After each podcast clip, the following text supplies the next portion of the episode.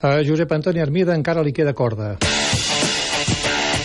Amb els 38 anys acabats de complir, el Vicar de Puigcerdà, Josep Antoni Armida, ha posat un final a la seva etapa a la BTT en la categoria de cross country. Ho ha fet aquest diumenge a Vallnord, Andorra, en l'última cita de la Copa del Món de la temporada, on ha quedat 12è. Una cursa molt emocionant per tot el que representava. Final de temporada, final del 2016, possiblement, o ja segur, és la, la meva última Copa del Món, eh, diguéssim, eh, després de 20 anys, així que va ser un moment molt emocionant per tots i després a nivell físic em vaig trobar molt còmode, vaig, vaig rendir com volia rendir, a partir del juny pues, he estat amb, un, amb una espiral ascendent sempre.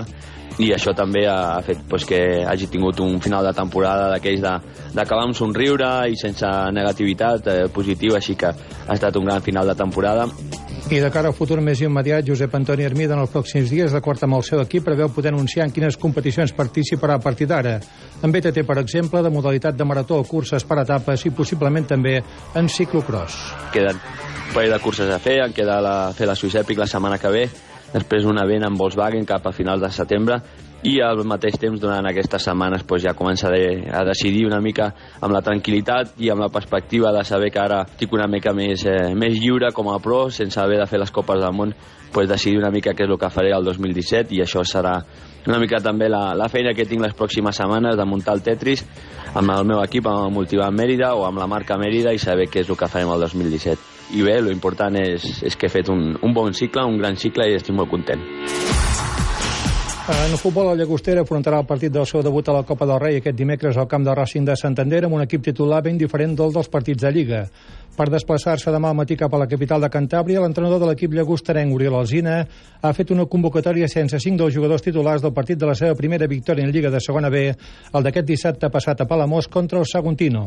I per la seva intenció de presentar un equip radicalment diferent, ja ens ha anunciat, per exemple, un canvi de porter titular. Debutarà Nico Ratti i també seran titulars els jugadors del filial Eloi i Sofian. Hi haurà un equip titular pràcticament nou del que va jugar en l'últim partit.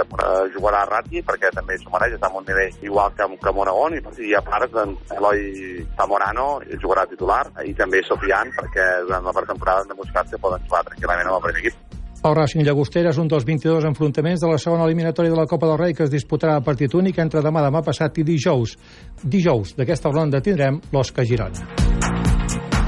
En tenis aquest migdia s'ha fet l'acte de presentació del Campionat de Catalunya Absolut a les instal·lacions del Club Tenis Girona, on des d'avui s'hi està disputant ja partits de la fase prèvia. Des de dijous fins dissabte jugaran els dos quadres principals, amb aquesta participació que ens destaca el president de la Federació Catalana de Tenis, Joan Navarro. Tindrem el vigent campió de Catalunya, l'Albert Ramos, i podria ser que també vingués eh, el Marc López, i per la part femenina, pues, sobretot eh, la presència de la Lourdes Domínguez com a cap de sèrie número 1 i la Laura Pous. Eh, la Lourdes Domínguez un fet molt destacable perquè després de tants anys de carrera i que l'ha fet tota la carrera aquí eh, pràcticament a Catalunya, pues, ha decidit despedir-se del, tenis eh, professional aquí eh, amb aquest campionat.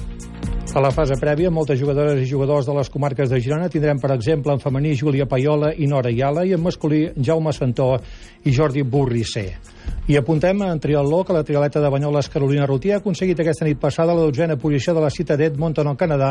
a les sèries mundials, un dels seus millors resultats d'aquesta categoria. Després d'aquest bon resultat aconseguit en el primer triatló disputat després dels Jocs Olímpics de Rio de Janeiro, va cap a Cozumel, on tindrà dissabte de la setmana que ve l'última cita de la